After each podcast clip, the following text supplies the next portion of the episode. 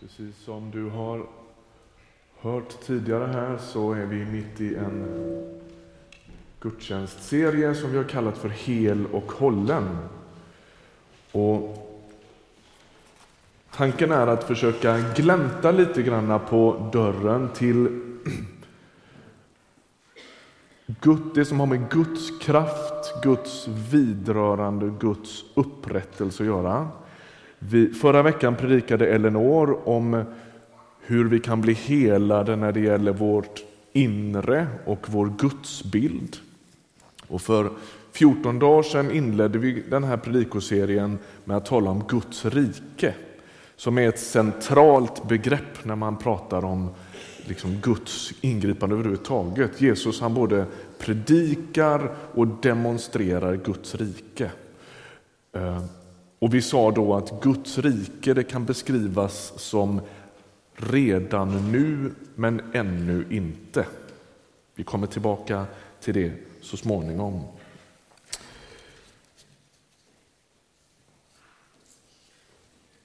Den här söndagen så ska vi predika eller läsa en text som står i Lukas 18.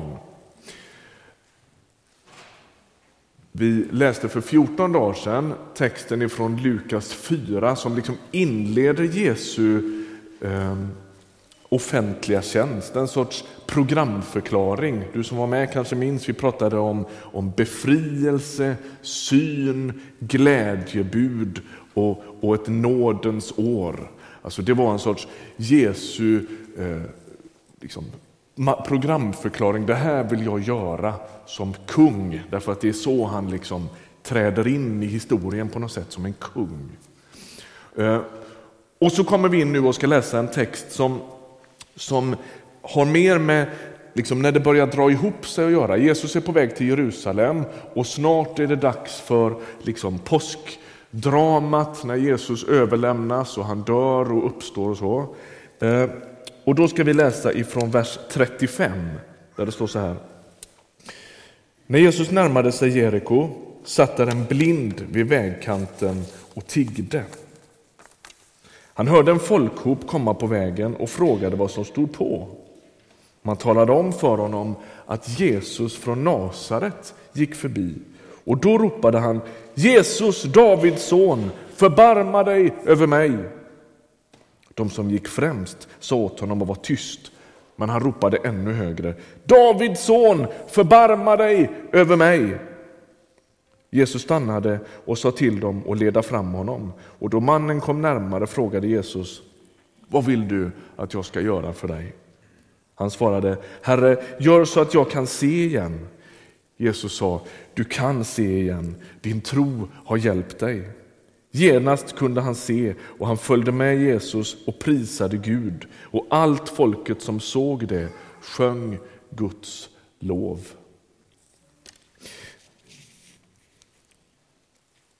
Försök att se den här bilden framför dig. Vid vägkanten så sitter en tiggare. Han är blind, står det. Eh, vi vet egentligen inte av den här berättelsen hur länge han har varit blind. Eh, men han sitter där och tigger och, och liksom är fullständigt regerad kan man säga av den här sjukdomen. Det är ju den som förmodligen gör att han är fattig och sitter där och tigger. Och så kommer Jesus följet gående på väg mot Jerusalem. Eh, och där finns alla tänkbara sorters människor. Vi vet att det finns Jesu innersta krets med lärjungarna, det finns en del andra människor som också hör till lärjungakretsen, eh, som finns i någon sorts lite yttre cirkel på något sätt. Eh, där finns med största sannolikhet en del av Jesu motståndare som verkar ha liksom följt honom vart han än gick och liksom granskar allt han gör. Och så va? Och så kommer hela det här följet gående och så hör den blinde mannen på håll men vad är det så här? Det, det, kommer något gäng här och vad är, det som, vad är det som händer? Och de säger det är Jesus från Nasaret, berättas det för honom. Och så häver han upp sin röst. Jesus, Davids son, förbarma dig över mig. Och så är det ganska intressant att se vad det är som händer då. Därför då blir den här mannen omedelbart tystad. Shh, tyst med dig! Och man kan fundera över vad är det det där står för egentligen? Vad är det som gör att mannen blir tyst? Alltså vad är det för argument som försöker tysta honom? Vad är det som, på vilket sätt, vad är, det som, vad är det som gör att det skulle vara så farligt att han ropar efter Jesus? Men man kan fundera, vad är det som tystar våran längtan? Vad är det som tystar våra böner? Jag tror att en av de saker som, som kommer högst på den listan det är, men vad ska folk säga? Vad ska folk säga? Skärp dig nu. Sitt inte här och skrik vid vägkanten utan bete dig som folk. Vad ska folk säga? Om det var en stark drivkraft i Mellanöstern så är den ju inte mindre i Sverige. Eller hur? Vad ska folk säga? Jag vet inte hur många gånger jag genom åren som pastor har hört människor säga så. Jag skulle varit med där framme vid förbönsplatsen idag, men vad skulle folk säga? Jag vet inte hur många gånger jag har hört människor säga det. Vad skulle folk säga? Man kan fundera över vad det, vad det, var det kommer ifrån. Jag tror att det kanske kommer lite grann ifrån att vi har fått för oss att en del av oss har fått för sig att om man söker förbön i en gudstjänst, om man uttrycker någonting av det som den här blinde mannen gör, då är det förmodligen så mycket kris i livet så att man håller på att dör. Och det vill man ju inte att folk ska tro. Eller hur? Jag vet en pastorskollega till mig som berättade när han var ung, ganska nykristen, han var pastorsson, men hade liksom hållit på och velat med det där med kristen tro och visste inte vad han skulle tro och, och hade nog liksom eh, utmanat det där lite och försökt att gå, köra sitt eget race på något sätt. Och så hade han ändå kommit till tro och, och ville följa Jesus. Och så kommer han fram i lilla kapellet där pappa var pastor och söker förbön i slutet på en gudstjänst. Och då står det en äldstebroder och hälsar honom välkommen fram där med orden Jaha, vad har du hittat på nu då? Och det där satt djupt i honom på något sätt. Va? Att det fanns en sorts attityd av att är du framme för förbön då har du förmodligen satt dig i, i, i klistret på något sätt. Då har du gjort något dumt. Och det var liksom atmosfären i kapellet. Vad ska folk säga? Det skulle kunna vara så att, att, att man säger till mannen, men du vet att man ska vara lite lagom. Man vill inte verka för mycket. Det där med tro och bön, det är väl okej, okay, men låt det inte bli för mycket. Det är ju vi, alltså lagom är ju bäst, säger ju vi, eller hur? Lite sådär lagom, det är bra. Det kanske är en och annan som säger till honom, men du, inte tror du väl på det där? Vi lever ju i ett upplyst samhälle. Om du är sjuk, om du har problem, då, då, då söker du dig till proffsen, då söker du dig till vetenskapen, då, då jobbar du med det som man kan förstå, det man kan ta på. Tyst med dig, ropa inte. Tänk om det är så här att en och annan står där och hyschar honom och säger, du som har varit sjuk så länge, det begriper du väl att du kommer inte att bli frisk. Gud har glömt dig. Eller, ja men det vet du väl, det där är ju meningen med ditt liv, att du ska sitta här. En sorts ödestro som tystar honom, som hyschar honom, som får honom att, eller vill få honom att backa. Något annat som skulle kunna tysta vår längtan och vår bön, det är helt enkelt en brist på förväntan. Faktum är att jag tänker att en del av oss sitter ofta i kyrkan och egentligen inte ens tänker tanken att man skulle söka Gud i förbön. När en inbjudan går ut här att men du skulle kunna få en personlig förbön eller du skulle kunna närma dig, böja dig vid korset här framme eller du skulle kunna få ett samtal med någon som, som lägger sin hand på dig och, och liksom nämner dina behov i bön så, så kanske det är så för dig att det finns inte ens i din sinnevärld att du skulle göra det. Då kopplar du liksom på autopiloten och väntar på kaffet. Det har egentligen inte med rädsla att göra utan snarare en sorts avtrubbning. Det där med gudstjänst, det, som avsikten är inte att det ska beröra och förändra. Man är avtrubbad. Det som är intressant är vad som händer med den här mannen. Han sitter där vid vägkanten och så har de sagt tyst med dig! Och så är han tyst en liten stund.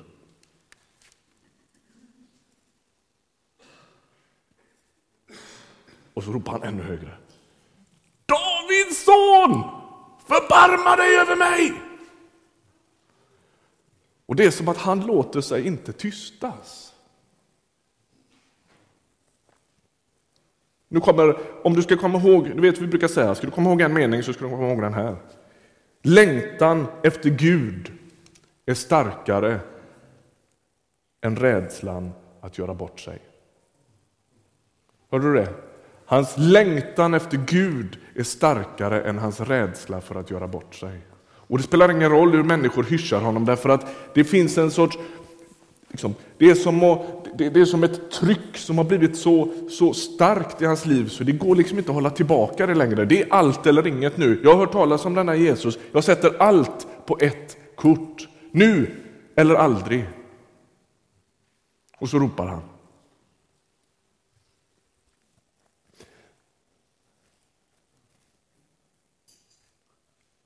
Längtan efter Gud är starkare än rädslan för att göra bort sig. Så ber Anders komma fram igen. Så ska han få berätta en story som jag har hört honom berätta förut och som jag tycker, ta med en handmick fram där, som jag tycker är så bra och så illustrativ. Varsågod Anders. Ehm, jag tror, jag tror många av er här Ta det tror många av er här eh, minns Hans Johansson. Det är många tror här som eh, kände honom. Han är hemma hos Herren nu sedan eh, tre år tillbaka tror jag det och Hans och jag var väldigt goda vänner. Och vid ett tillfälle så eh, fick jag möjlighet att åka tillsammans med honom till, på en helande konferens till Kalifornien. Vi skulle åka dit för vi ville lära oss mer om, om förbön för sjuka och se Gud göra mera saker. Så vi var tillsammans en vecka i, i, i Kalifornien och eh, vi såg Gud göra fantastiska under alltså. Och eh, en kväll så var det en eh, evangelist som skulle tala och eh, han utlovade på eftermiddagen att han skulle ge alla personlig förbön. Och eh, enda problemet var att vi var ju 4000 personer där. Han skulle lägga händerna på alla var och en och ibland är det så här att nådegåvor överförs genom handpåläggning. Eh, och, vi var väldigt sugna på att få tag i det och särskilt Hans. Han sa, då är vi först, sa han, där nere. Och eh, när det blev dags för förbön så rusade vi ner bland alla de här 4000. Vi trängde oss fram och ställde oss eh, på, ett, eh, på det här långa ledet och han, den här brodern, han började be för folk. Va? Han la händerna på en efter en efter en och folk föll. Och vi, när han kom till oss så föll vi under andens kraft. Så Hans och jag, vi låg där på mattan en bra stund under andens kraft och kände hur, hur Gud rörde vid oss. Och när vi hade legat där en stund så säger Hans så här till mig. Det var så skönt det här, det här gör vi igen, sa han. Så sa jag, det, men det kan vi ju inte göra. Tänk om alla, tänk om alla de här 4000 kommer en gång till. Det blir 8000 människor och man har hört talas om evangelister som skäller ut folk och så här när man eh, stör dem i sitt arbete och sånt. Va? Spelar ingen roll, vi ställer oss igen, säger Hans. Så vi, vi sprang och ställde oss. Jag, jag tog av mig glasögonen för jag tänkte, eh, jag har ju större, eh, då kanske han inte eh, känner igen mig den här gången. Då, va? Jag vill ju inte bli utpekad där liksom. Um, mycket riktigt, han, han går hela varvet, han kommer igen och, börjar, och kommer till oss då. När han kommer fram till oss den andra gången så profeterar han över oss. Ehm, och, och de här orden han sa det betydde, har betytt otroligt mycket för mig. Eh. Och jag lärde mig någonting på det där. Va? Att frimodigheten har med sig en stor lön. Va? Och det, Gud har hela tiden mer att ge. Och man måste liksom lägga människofruktan åt, åt sidan. Hans var ett exempel. Tack Anders.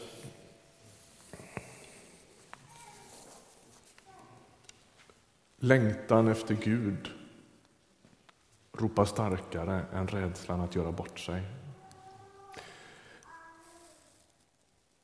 När Jesus talar i Lukas 4, som vi läste för 14 dagar sedan, så kommer ni ihåg att de där anspråken han gör på att, vara, på att, på att komma med glädjebud och frihet och, och så vidare, där han blir så tydlig och säger att jag är den där som ni har väntat på, som Israel har väntat på i hundratals år, så möts det med stor skepsis och vrede och hela den där scenen slutar med att man driver ut Jesus ur stan och försöker knuffa honom ut för en, en brant. Eh, här så är det märkligt hur allting är bakvänt. Här sitter tiggaren, eh, en utstött person i samhället på alla möjliga olika sätt och, och någonstans förstår vem Jesus är. Det är märkligt. Har ni tänkt på hur han ropar? Han ropar Jesus, Davids son. ropar han. Vilket är ett tydligt epitet på att, att nej, den här personen är nog den utlovade Messias. En sorts självklar tillit till Gud. Inte särskilt tillkrånglat, utan han bara anar och förstår att Gud kan. Och den där guden han håller på att kliva förbi i dikesrenen där den blinde mannen bor. Om man bläddrar några blad i Lukas till kapitel 7, kapitel 7 så finns det en annan historia som också handlar om hur någon ber om hjälp för helande. Där står det så här. Från vers 1. Då han hade sagt allt som folket skulle höra gick han in i Kafarnaum. En officer där hade en tjänare som låg sjuk och var nära döden. Officeren satte stort värde på honom och när han fick höra talas om Jesus skickade han några av judarnas äldste till honom för att be honom komma och rädda tjänaren till livet. De sökte upp Jesus och vädjade ivrigt till honom. Han är värd att du gör detta för honom, sa de. Han är en vän av vårt folk och han har själv låtit bygga synagogan åt oss. Jesus följde då med dem, men när han var nästan framme vid huset skickade officeren några vänner och lät hälsa Herre, gör dig inte besvär. Jag är inte värd att du går in under mitt tak och därför vågade jag inte heller själv komma till dig. Men säg bara ett ord och låt pojken bli frisk. Jag är själv en som står under befäl och jag har soldater under mig och säger jag till den ene gå, så går han och till den andra kom, så kommer han. Och säger jag till min tjänare gör det här, så gör han det. När Jesus hörde detta förvånade han sig över honom och vände sig om och sa till folket som följde med honom. Jag säger er, inte ens bland israeliter har jag funnit en så stark tro. Och när de utskickade kom tillbaka till huset fann de tjänaren frisk igen, står det. Mannen i den här historien han verkar lika övertygad som den blinde mannen vid vägkanten om att Jesus kan beordra vad som helst. Hans maktbefogenheter är oändliga och bara han säger ett ord så blir tjänaren frisk. Och Jesus verkar häpna liksom över den tilltro som mannen sätter till Jesus.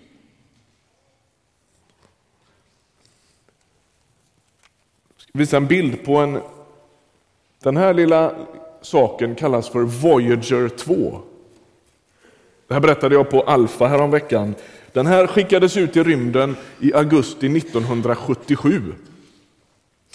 Eh, en rymdsond som ska göra observationer i yttre rymden. Den lämnade jorden med en hastighet av 150 000 kilometer i timmen, vilket är snabbare än en revolverkula. Och så var målet att den skulle nå ända till planeten Neptunus. Och det gjorde den 12 år senare, trots att den hade en hyfsad hastighet får man säga då, 150 000 kilometer i timmen, så tar det 12 år innan den kommer dit. Då har den tillryggalagt 4 miljarder kilometer. Efter det har den här, och den har rapporterat tillbaka, och sen fortsätter den här rakt ut i yttre rymden. Och om den skulle kunna fortsätta utan att liksom haverera eller krocka mot något, så skulle det med den hastigheten dröja 958 000 år innan den når en annan stjärna. Det kommer ta en miljon år ungefär innan den når en annan stjärna.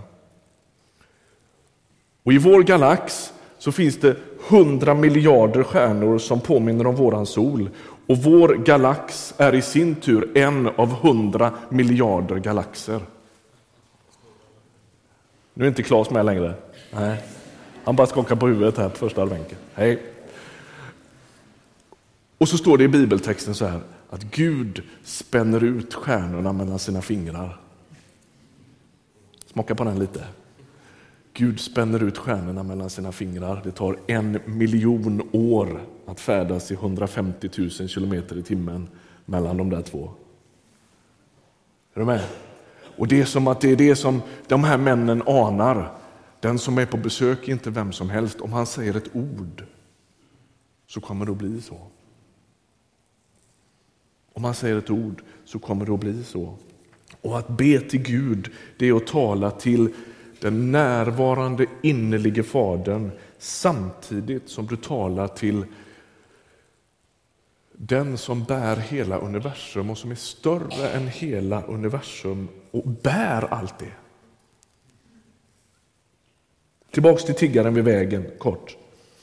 Den där mannens bön i Lukas 18, den är inte särskilt märkvärdig kan man inte säga. Den är inte så mångordig och inte särskilt detaljerad. Han ber förbarma dig över mig. Det är allt han ber.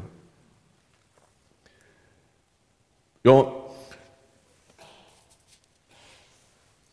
läste häromsistens om när John Wimber var i Sverige i slutet på 80-talet. För dig som inte vet så John Wimber han, han var en eh, Eh, person som har fått betyda väldigt mycket för västerländsk kristenhet när det handlar just om bön för sjuka och mycket annat också.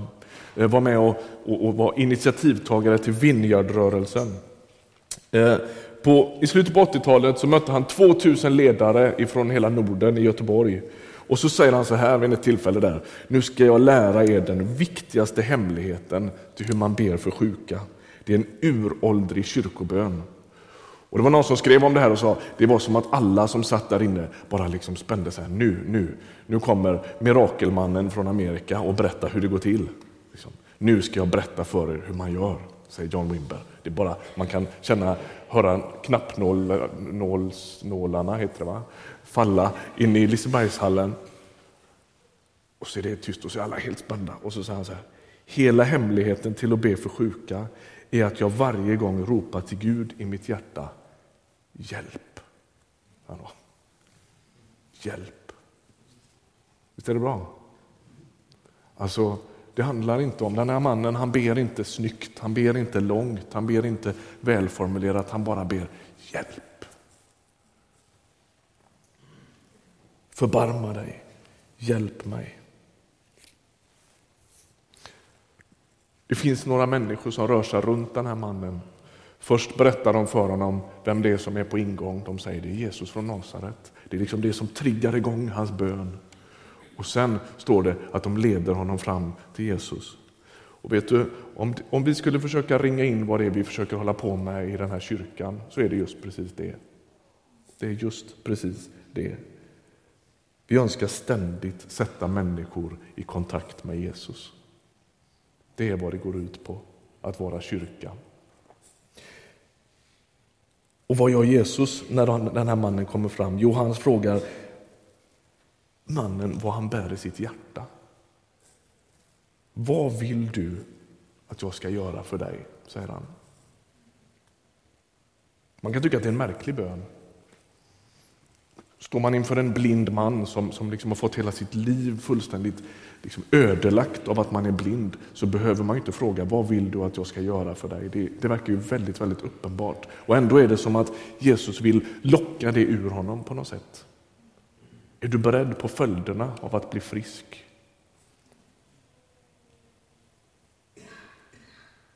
Är du beredd på att kliva ur dina låsta positioner, ta emot ett under från Gud och inse att ditt liv aldrig mer kommer att bli likadant? Och så uttrycker han det. Och det är liksom det som är hela grejen med bön. Man kommer till Jesus och säger som det är. Man kommer till Jesus och säger som det är. Och jag vet inte hur du tänker, men om man tittar på den här texten så tänker jag att det är som att den är en doft av en annan värld. På den där dammiga vägen mot Jerusalem, en alldeles vanlig vardag när människor uträttar sina ärenden, stressar till jobbet, lämnar barnen, inte på dagis kanske, men hos mormor. Så kommer festföljet gående mitt i den där dammiga vardagen och de prisar Gud, de sjunger, de är glada, människor blir botade och mitt i alltihopa så går den märklige bakvände kungen. Det är som om himlen är på besök på den där dammiga vägen där den blinde mannen bor i diket. Och det är helt riktigt uppfattat därför att det är precis så det är. Det är en annan värld som bryter in. När Jesus kommer gående där så kommer Guds rike dit. Där Jesus finns, där han regerar, där hans kraftfält finns, där hans principer råder, där finns Guds rike. Och så bryter det liksom in där. En sorts besök från framtiden. Kommer ni ihåg vad vi sa för 14 dagar sedan? Det är som att där framme, där finns Guds rike i sin fullhet.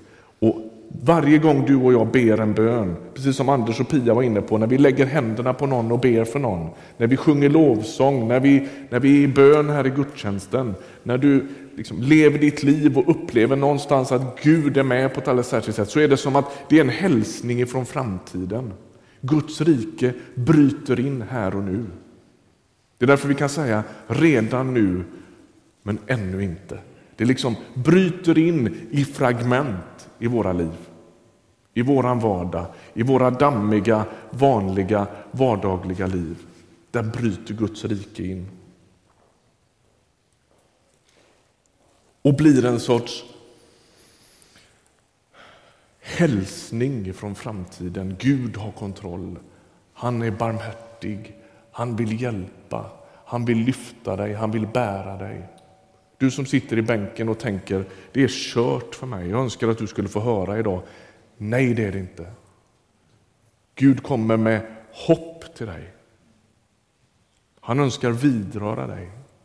Han önskar lyfta av dig dina bördor. Han önskar ge dig fast mark under fötterna. Han önskar bota dig. Och alltihopa är en sorts hälsning från en tid och en värld som ligger framför. I Uppenbarelseboken 21 till sist så står det så här. Och jag såg en ny himmel och en ny jord. Ty den första himlen och den första jorden var borta och havet fanns inte mer. Och jag såg den heliga staden, det nya Jerusalem, komma ner ur himlen från Gud, redo som en brud som är smyckad för sin man. Och från tronen hörde jag en stark röst som sa, se, Guds tält står bland människorna och han ska bo ibland dem och de ska vara hans folk och Gud själv ska vara hos dem. Och han ska torka alla tårar från deras ögon. Döden ska inte finnas mer och ingen sorg och ingen klagan och ingen smärta ska finnas mer. Ty det som en gång var är borta. När vi ber Låt ditt rike komma, låt din vilja ske på jorden så som i himlen. Då ber vi om att få smaka det redan nu. Så småningom med den här gudstjänsten ska vi erbjuda bön och förbön för varandra. Och då skulle jag vilja att du bär med dig en sak från den här predikan.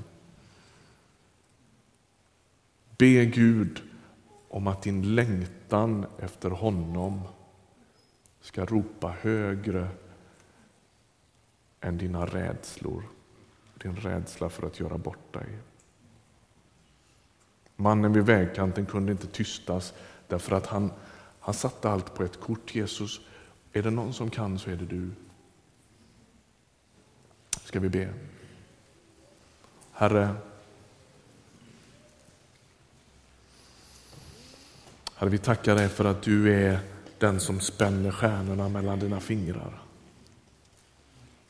Herre, att du är den som bär hela världen, hela tillvaron. Tack för hälsningarna i de här texterna om att du är den som bryter in i människors förtvivlan med barmhärtighet, med nåd, med kraft, med godhet. Tack för historien om den blinde mannen vid vägen. Tack att du såg honom, du hörde honom, du botade honom. Herre, vi ber att få söka dig, vi ber att få hjälp att vända vår, våra ögon, vår tillit, vår förväntan till dig. Jag skulle vilja be för den som sitter här inne och känner att alla de där motargumenten de bara ringer i huvudet av att man inte kan, att man inte borde, att man inte får och så vidare. och så vidare. Herre, jag ber att, att du skulle få locka och dra och inbjuda den människan till att söka dig och tro dig om gott. Vi ber om det. Vi ber om det. Tack för att du bryter in i våran värld. Med allt det som kommer i ditt släptåg av frihet, befrielse, läkedom, glädje, nåd, frid, kraft. Tack att du vandrar genom våra liv och liksom strör det omkring dig. Vi ber att få ta emot det. Vi ber att våga tro dig om gott. Tack att du hör oss när vi ber. Amen.